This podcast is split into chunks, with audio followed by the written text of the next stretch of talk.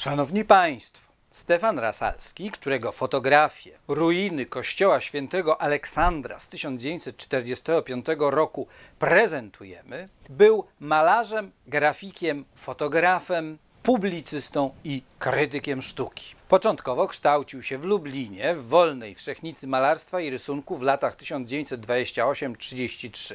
W 1932 roku w Lublinie Rasalski zaczął także uprawiać drzeworyt. Przed wojną przygotował teki Lublin, Chłopi i miasteczka polskie. Widoczne w nich były wpływy Skoczy Lasa i Kulisiewicza. W 1933 roku był współzałożycielem artystycznej grupy Krąg w Lublinie. Dyplom zrobił w Akademii Sztuk Pięknych w Warszawie. Od 1936 roku zamieszkał także w tym mieście, rozpoczynając pracę dziennikarską i reporterską oraz intensywną pracę jako ilustrator. W latach okupacji pracował przede wszystkim nad drzeworytami, a przede wszystkim nad tematem Don Quixota, który odtąd często pojawiał się w jego pracach. Natomiast od czasów powstania warszawskiego dokumentował fotograficznie dzieje Warszawy, także po wojnie gdy pracował w biurze odbudowy stolicy w dziale dokumentacji fotograficznej. Współtworzył też